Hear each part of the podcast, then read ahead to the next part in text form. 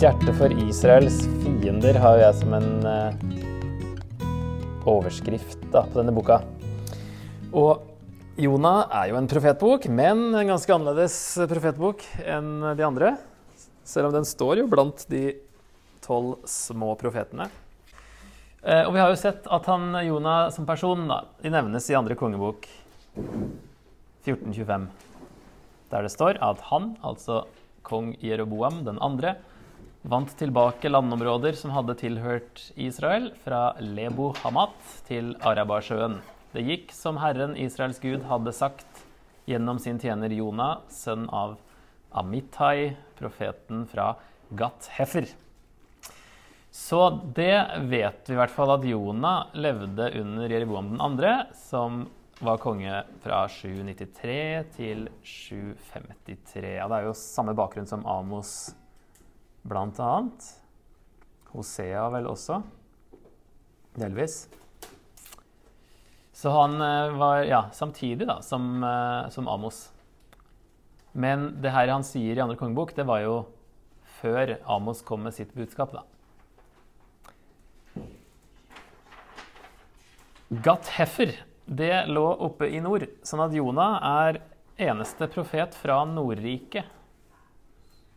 Og Gat Heffer lå i det som i hvert fall senere ble kalt Galilea, ca. 5 km fra Nasaret. Men eh, han eh, Altså, Amos var jo fra Sørriket, altså fra Juda, men gikk over grensa til, til nord, til Israel. Mens eh, Jonah var fra nord, da.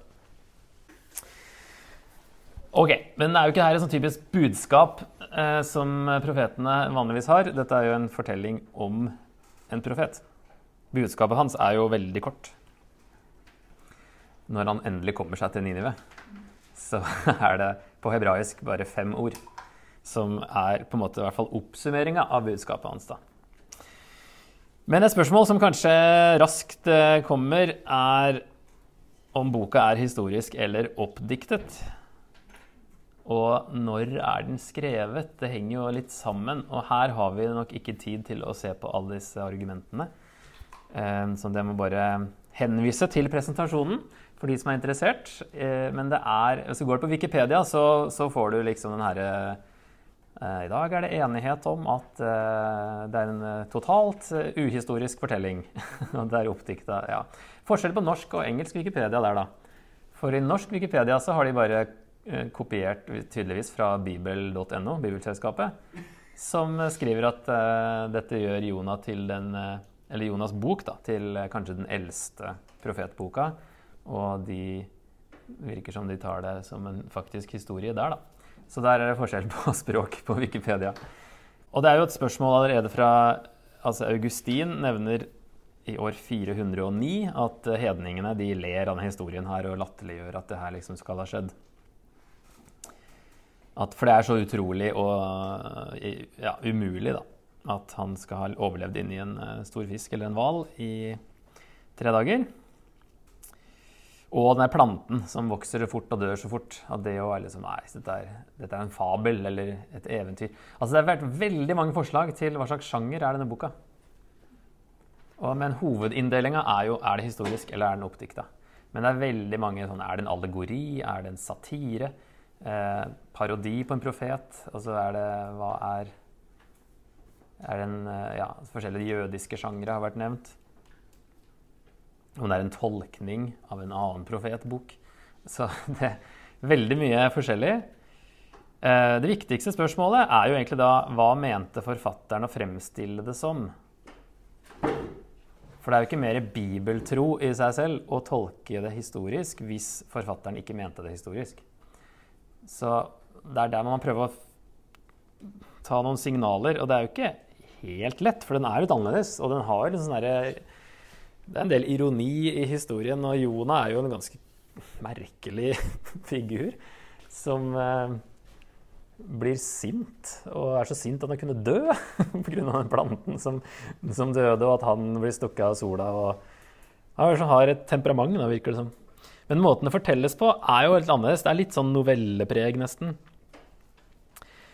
Så eh, da har jeg hoppa over de argumentene egentlig som eh, peker mot Altså de er i presentasjonen, da. Argumenter som peker mot at den er oppdikta. Eh, så tar jeg bare de som peker mot historisk her, og da vanligvis at den blir datert til 700-tallet, altså da Jonah eh, levde. Fordi det er ofte da en senere datering etter eksilet som ofte henger sammen med at det er en oppdikta historie. Også med litt hvordan Ninive beskrives. At man, eh, noen mener at forfatteren ikke kjenner til Ninive historisk, men bare har liksom legendeinntrykk av Ninive. At det var en kjempestor by med så mange folk, og at det liksom var litt overdrevet. da. Så hvis dere er interessert i de andre argumentene, og også hvordan de svares på eh, hvis man tar det som historisk, så kan dere sjekke presentasjonen da, for mer. Ellers så blir det liten tid igjen til å se på selve boka, hvis vi skal ta alt det nå. Så det er ikke alle som syns det er like interessant heller. Um, men det sto interessant nok, da. Um, ja, det kan jeg ta når jeg kommer ned dit, forresten. Ok. Det er jo en vanlig profetintro. Altså Herrens uh, Hvor var det? Herrens ord, er ikke det? Nå var jeg plutselig i Hosea. Herrens ord kom til Jonah, sønn av Amitai. Det er jo ganske sånn kjent formel. Og Jonah var en historisk person. Det vet du jo fra andre kongebok. I hvert fall en som heter akkurat det samme, og har en far som heter akkurat det samme. Så det er gode, og som var profet. Så stor sjanse for at det er samme. Um, og så ligner jo det Gud sier 'stå opp, gå til storbyen Ninive', ligner veldig på det som f.eks. står i første kongebok eh, om Elia. Første kongebok 17. Det er liksom samme formel, i hvert fall. Der. Eh,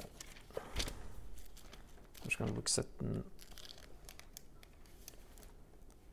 eh, Da kom Herrens ord til Elia. Gå straks av sted til Sarepta, som hører til Sidon, og slå deg ned der.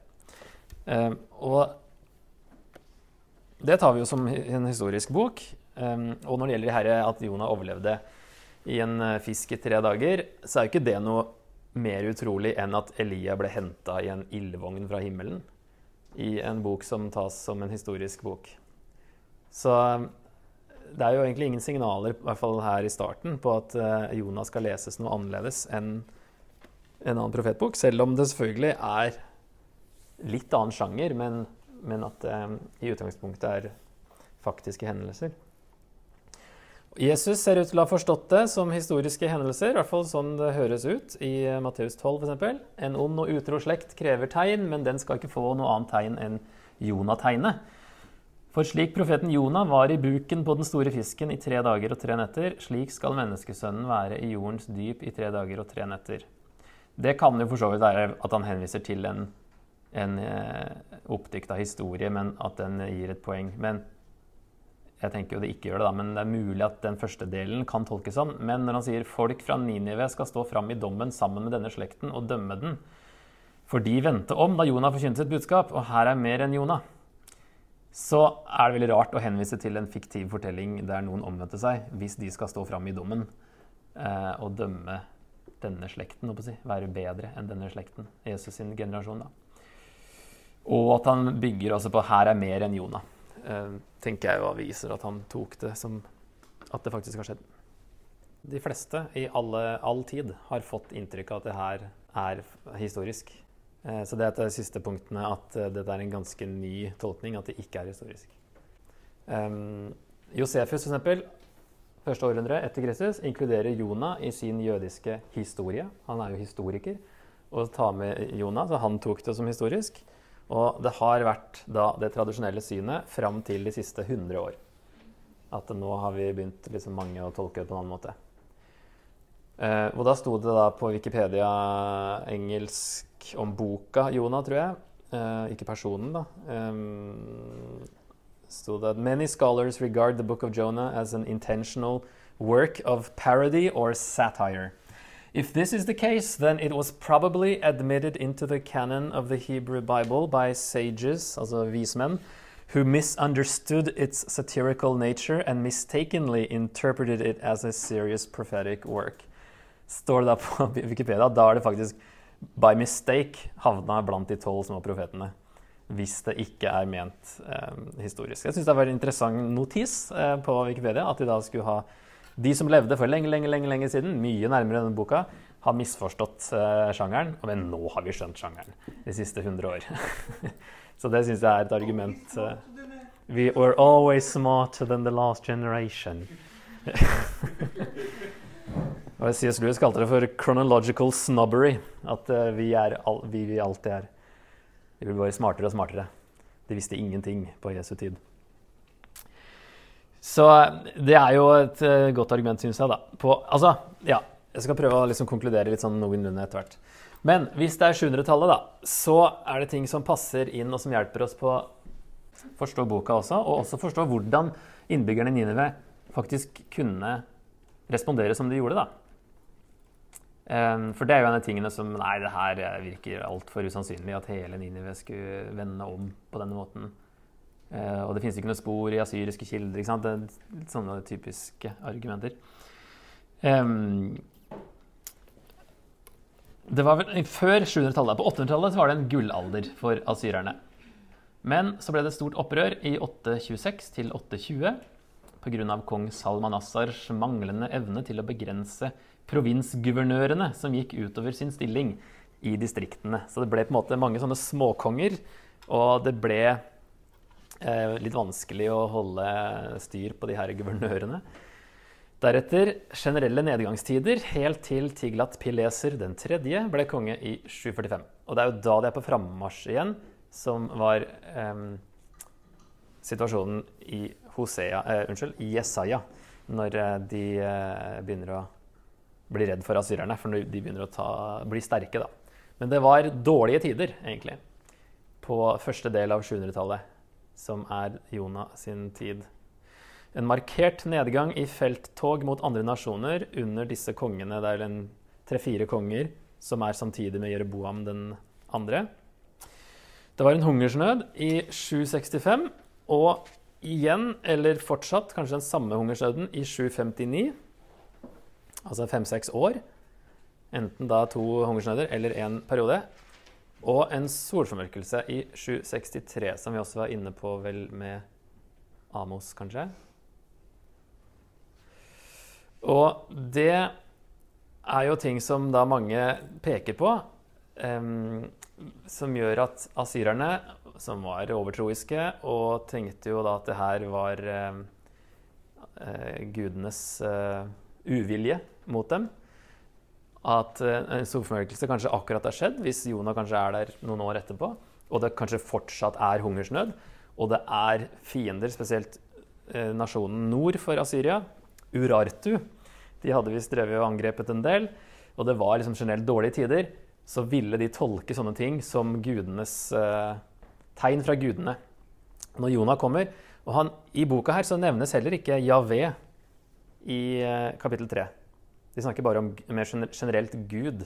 Sånn at eh, sånn sett så, så, kan man jo si at om ikke de skjønte helt hvilken gud de omvendte seg til, så er det i hvert fall um, uh, sannsynlig å tenke at de ville reagert De ville kunne reagert sånn ut fra hvordan situasjonen var, og at de tenkte at hvis vi gjør dette her, så blir det bedre. Så en slags konklusjon på det her det er altså det vi har å gå på, er at Jonah levde på 700-tallet. Ingen overbevisende tegn om at boka skal leses mot en annen senere bakgrunn. Dette blir fort synsing og spekulasjoner. Eh, man tenker da at det er liksom Hvis man tenker at Esra og Nehemia er sånne veldig nasjonalister, så tenker man at Jonah ble skrevet da for å gå imot den nasjonalistiske holdningen. Men trenger man ikke å tenke at Esra og Nehemia var så veldig nasjonalistiske utover eh, det som var naturlig. Men det er liksom, der lager man en sånn konstruerer en slags setting på 400-tallet. Forfatteren ser ut til å presentere boka som historisk, men med et tydelig teologisk poeng. Han toner ned historiske detaljer for å fokusere på det universelle i bokas budskap. Og en sjanger som da ofte foreslås, er at det er såkalt didaktisk historie. Altså en undervisende historie. Sånn sett er det jo ikke en profetbok, sånn sett, da, men at det er en undervisende historie. At eh, Derfor får den et litt annet preg og skrevet på en annen måte. Tatt seg noen friheter, kanskje, i hvordan man presenterer det. Jonas selv har tradisjonelt blitt ansett som forfatteren, men det kan også ha vært en annen. Mener kanskje, hvis det, Siden det er tredjeperson, at eh, det er en annen, men det trenger jo ikke å være det. Så jeg konkluderer litt sånn sånn som det her, fordi jeg sliter litt med å liksom gå så veldig langt unna det alle har gjort inntil de siste 100 år. Har ikke noe problem med at Gud ordna at Jonah var en fisk i tre dager, eller at en plante vokste fort og døde fort. Ikke noe problem med det. Hvis, uh, altså vi tror jo på at uh, Gud har skapt verden, og at Jesus sto fra de døde, og at vi skal stå fra de døde. Så det er ikke sånn, ikke noe merkelig i dette her syns jeg. Og så er det jo um, Det er noen flere argumenter da, på, som vi har hoppet over, som dere kan se etterpå. Men uh, f.eks. at det ordet som brukes, at Jonah var i fiskens indre. Eller noe sånt. Det er, ikke, liksom, det er ikke konkret mage som er nevnt, så han kan ha vært i munnen, mener noen. da. Og blitt holdt i live der. Og at hvalen må jo opp for å ha oksygen. Eller hvis det var en hval. Altså ja, hebraisk skiller jo ikke mellom fisk og hval, i hvert fall ikke bibelhebraisk. Det er et stort sjødyr som eh, kan ha vært en hval, og som da har gitt han luft på den måten. Så det, det, er jo for mange så er jo det som er utgangspunktet, men det er jo folk som tror på det, som likevel vil eh, konkludere annerledes enn det her, da. Ok, Men i så fall, eh, hvis, vi har, hvis, vi går ut fra det her, så eh, vil den første leser ja, og forresten så er det jo visstnok mange hvalfangere som har overlevd inne i hvaler over lengre tid i gamle dager. Det er visst dokumentert. Og, mm. Ja, dramatisk. ja. Men altså ubevisst. Jeg må si unconscious, men i live. Så ja. Det er noen gamle historier fra hvalfangertida, så det er liksom ikke så helt utrolig heller. ok, første leser i så fall at historien skjedde på Jonas' tid, f.eks. ca. 760 under den asyriske kongen Asurdan den som regjerte da fra 772 til 754, som opplevde både hungersnød, angrep fra fiender og solformørkelse. Kan som sagt forklare at de var så villige til å ta imot budskapet. Kanskje da skrevet mot slutten av 700-tallet, da Asyria begynte å bli den største trusselen interessen for bokas tema hadde vært enda større etter Nordrikets fall til Asyria i 722, som Jonah jo kommer fra. ikke sant? Og så Hvordan skal de tenke om asyrerne etter at de har eh, tatt hele Nordriket? Enten de som er igjen i nord, eller om folk i Juda, da, som det er ment på. Så første leser kan vi da tenke oss Israel eller Juda på siste halvdel av 700-tallet før Kristus, som hadde vanskeligheter med hvordan de skulle forholde seg til asyrerne. Er et forslag? Det er jo ikke helt, altså, det er det vi har å gå på, tenker jeg. Hvis Jonah levde da, så må man spekulere litt hvis man skal flytte nedskriving av boka mye senere. Det er selvfølgelig mulig, men vi vet liksom ikke helt hvor den skal plasseres da. Så jeg tenker at det er ganske safe å tenke sånn som det her, da. Det var i hvert fall Asyrerne hadde jo vært på det verste på den tida, siste halvdel av 700-tallet.